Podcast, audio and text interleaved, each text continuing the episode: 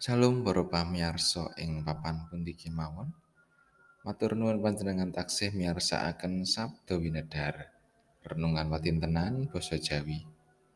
Sesarengan kita badhe ngraos-ngraosaken sabdanipun Gusti monggo kita ndedonga. Gusti Allah Rama kawula ing swarga mulya saha langgeng. Kawula ngaturaken agunging puji syukur lan panuwun.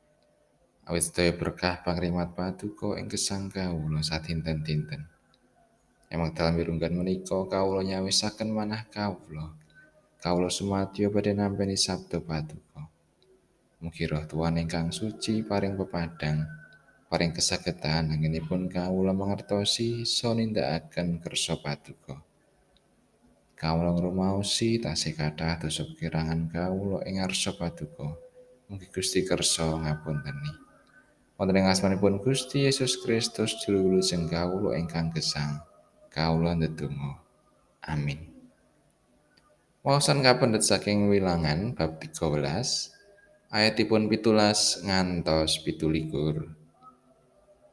Ana dene Nabi Musa anggone ngutus wong mau nelik tanah Kanaan iku padha diweling mangkene.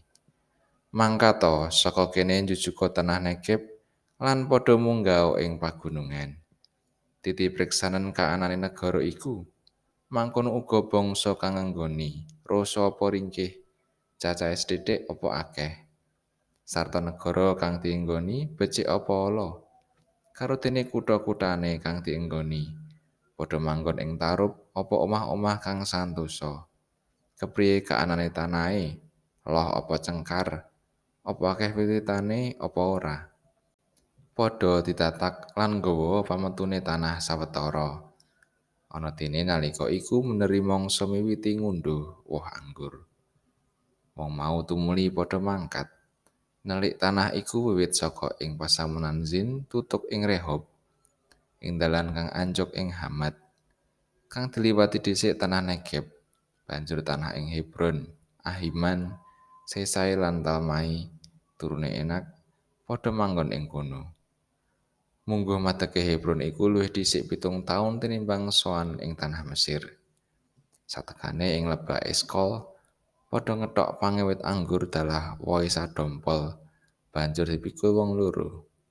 Mangkono uga padha nggawa woh delima lan woh anjir sawetara. Panggonan mau kaaranan lebah Eskol. Marga saka dompolan woh anggur kang dikethok dening Israel ana ing kono. Sawuse patang puluh dina anggone nelik tanah iku banjur padha bali. Tumuli terus sowan marang ngarsane Nabi Musa, Imam Harun lan sagolonganing pasamuane wong Israel ana ing Kadesi ing pasamunan Paran. Ngaturi pratela marang panjenengane lan marang wong sapasamuan kabeh kelawan padha tutuwi pametune tanah. Caritane mangkene. Anggen kula sami panjenengan utus dhateng ing negari menika inggih sampun kalampahan saged lumebet. Mongko sayektos negari wau luber puanan madu. Lah menika angsal-angsalipun. Makatan pangandikanipun Gusti ayat nasing ayat 18. Titi priksanen kaanane negara iku mangkon uga bangsa kang nggoni, rasa apa ringkih, cacahe sithik apa akeh. Bu mbok laren lem biji ulangan murid-muridmu, isi ana dina maneh. Wis jam 10 bengi, wis ketok saya. Eman-eman ragamu sesuk isih sekolah. Makatan aturi bapak marang ibu ingkang tasih tegen mirsani hasil ulangan ing dinten menika. Wah, bapak matur nuwun kawigatosanipun. Ning bengi iki kudu rampung. Ngejang badhe diperiksa pengawas. Bapak namung mesem lajeng tindak wingking. Katosipun damel unjukan. Lah leres to? Bapak ngasta gelas kalih nyaketi ibu. Bu kita gaweke kopi ben iso semangat karo tak kancani nonton TV. Ibu nampi gelas menika kanthi bingah. Wah, bapak apian tenan. Nuwun ya wis damelke wedang. Enjing-enjing ibu wungu ngambali titip peksa anggen biji wau dalu. Waduh jebule ana sing kliru biji. Untung tak baleni sadurunge diperiksa pengawas. Wah, bejo tenan, Ibu. Tiang kadhawan dipriksa menika mbetahaken tanggal jawab lan taliti saha ngatos-atos. Awit menika kagem dasar bab salajengipun. Kados Nabi Musa dawuh dhateng kalih welas tiyang, supados nelik langkung rumiyin negari Kanaan saderengipun dipun ambah dening umat. Titi priksanen bab menapa kemawon ingkang wonten ing riku lan kadawan bidal lewat pagunungan. Anggenipun nelik sawetara dangu kawan dosa dinten. Wekdal ingkang kaanggep cekap kangge dipriksa bab menapa kemawon.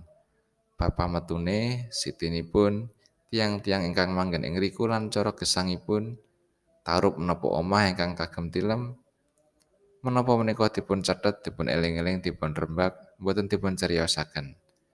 Ananging anggenipun mantuk bekta dompolan anggur, delima lan ancir. Lan mertelakaken bab menapa ingkang dipun tingali ing Kanaan. Ananging kok beda cariyosipun sedasa tiyang kalian Yusak lan Kaleb senajan ingkang dipun panggi menika sami. Monggo dipun paodosi ing ayat salajengipun. Amin.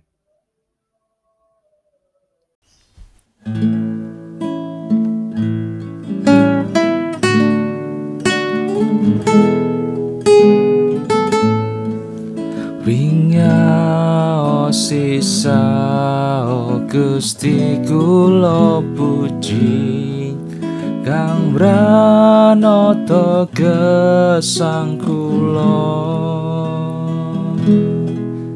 Glorini matan klayan katresnan mlalo kula pasrah pangreyon